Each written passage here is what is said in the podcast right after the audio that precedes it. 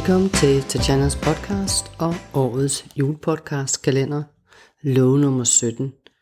Vær varsom med kun at tage råd for dine tanker og følelser. Psykologisk forskning anslår, at 70% af vores tanker er negative og overflødige. Jeg lader lige det tal stå lidt. Så hvis vi udelukkende lader os styre af vores tanker og deraf følgende følelser, så er der en rigtig god chance for at fare vild. Hvad i alverden skulle vi ellers lade os styre af, spørger du nok.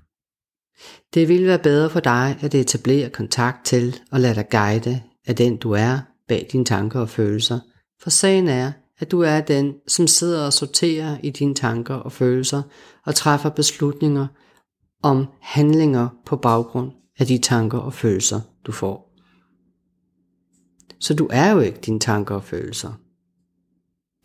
Men det er så sandelig lettere sagt end gjort. Mange negative tanker kan gøre dig syg med det, som hedder nocebo, lignende sygdomme. Du kender jo sikkert begrebet placebo, som betyder positiv overbevisning eller forventning. Hvis man giver 10 mennesker med depression en lykkepille, så virker pillerne på 5 af dem. Hvis man giver 10 mennesker med depression en kalktablet og fortæller dem, at de virker, altså at der er et eller andet virksomt stof i dem, ja, så virker de altså også på omtrent fem af dem. Det er lidt rystende, ikke sandt, i betragtning af hvor meget medicin, som også giver bivirkninger.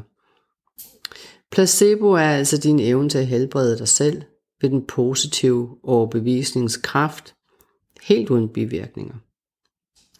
Nocebo er placeboens onde fætter. Nocebo betyder nemlig negativ overbevisning eller forventning. Nocebo udløser typisk en stressreaktion og kan fx gøre hjernens alarmsystem, amygdala, overfølsom, så den reagerer med uhensigtsmæssigt med angst eller med vrede. Men nocebo er også, hvis du har en ubevidst negativ overbevisning om, at du ikke er god nok, ikke slår til, tror at ingen kan lide dig, eller at en magtmus er super farlig. Nocebo er en overbevisning om, at verden er et utrygt sted at være. Nocebo er, når dine negative overbevisninger kommer til at styre kemien i dit nervesystem, og i sidste ende gør dig fysisk syg.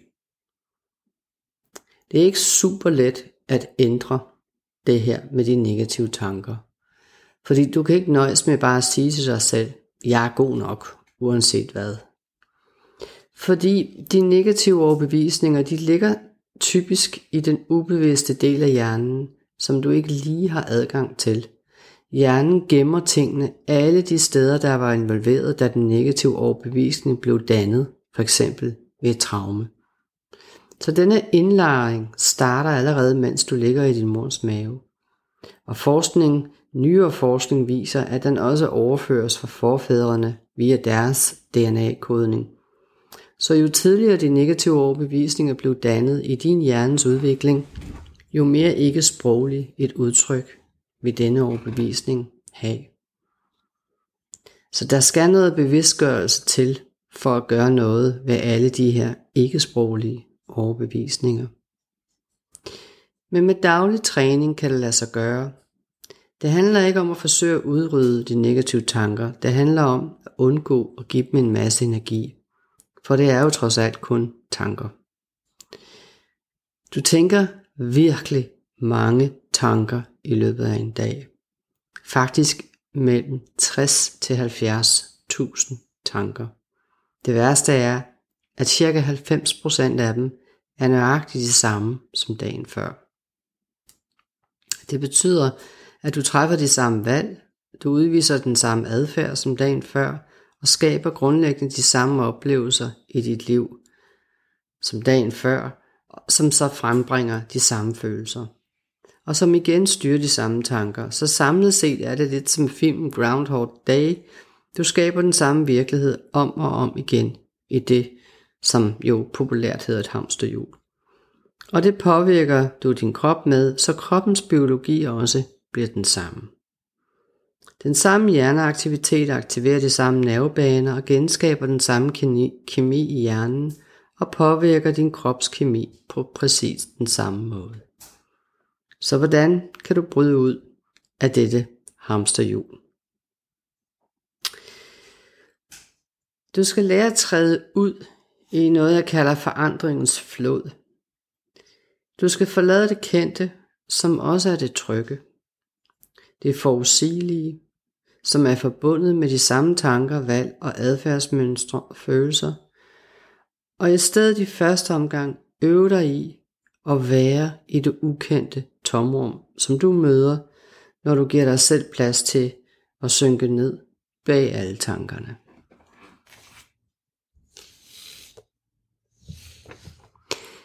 Kløften mellem det gamle og det nye er lige det sted, hvor din gamle personlighed dør. Det ukendte tomrum er det eneste sted, hvorfra du reelt kan skabe noget nyt. For du kan ikke skabe noget nyt fra det kendte.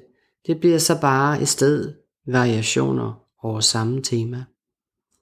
Det er let at glide tilbage i det kendte, fordi det ukendte opleves ubehageligt. At lader sig glide tilbage til det kendte kan derfor godt i virkeligheden i første omgang føles rigtigt, selvom det ikke er rigtigt, men blot er velkendt.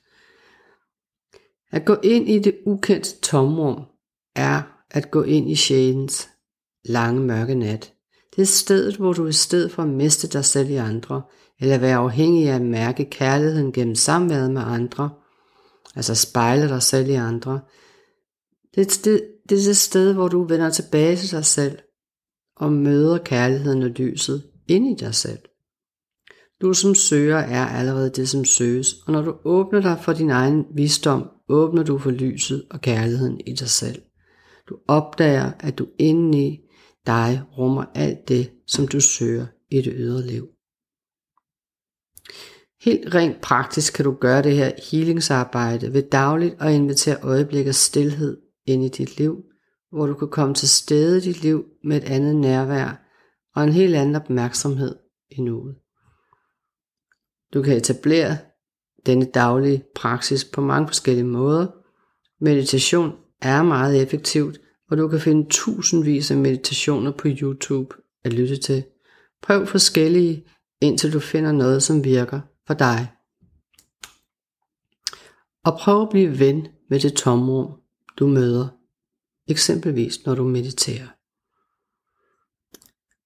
Når du får lukket lidt ned for tankerne, bliver du nemlig bedre til at mærke verden omkring dig i nuet, og du får en bedre kontakt til din intuition. Intuition er en særlig visdom, og intuition optræder i mange forskellige former. Det handler om, at du begynder at lægge mærke til det.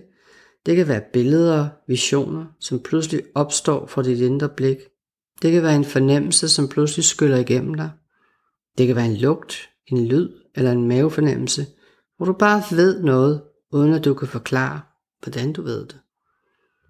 Det er meget forskelligt, hvordan vores intuition fungerer. Vi er alle intuitive væsener, men vi er alle mere eller mindre gode til at give vores intuition plads og stole på den. Og det helt store spørgsmål er jo, hvornår det er din intuition, som giver dig input, og hvornår det er dit ego. Når du tillader dig selv at være afslappet og tillidsfuld og lukke op for det ukendte og det uvisse, giver du den del af din bevidsthed, hvor din intuition bor, mulighed for at tale med dig. Her vil inputsene lede dig frem til mere kærlighed, styrke og livsglæde. Og det kan være på måder, som du ikke lige havde forestillet dig, men som alligevel er netop det, du har brug for lige nu. Når dine fornemmelser eller input kommer fra et frygtstyret sted i dig, der hvor dit ego bor, så vil du opleve, at din krop er sammentrukket og anspændt. Det vil ofte være mere overfladiske input, og du vil være i en tilstand, hvor stemningerne i dig springer fra det ene til det andet. Der er ingen ro. Følger du disse input, bliver du ofte mere forvirret, og du får ikke løst de ting, du bokser med på lang sigt. Så nøglen til at blive bedre til at lytte ind til, hvad din intuition fortæller dig, er at blive bedre til at være opmærksom på, hvordan din krop faktisk rent fysisk reagerer, når du er i en frygttilstand, i modsætning til, når du er i en kærlighedstilstand. Har du for eksempel en knude i maven, er det ofte et tegn på den sammentrækning, som frygten skaber i din krop. Føler du dig derimod i ro og er afslappet, er du i en tillidsfuld kærlighedstilstand, hvor din intuition får mulighed for at bryde ind med nye, kreative og skabende forslag, som er til glæde for dig i dit liv. Tak fordi du lyttede med.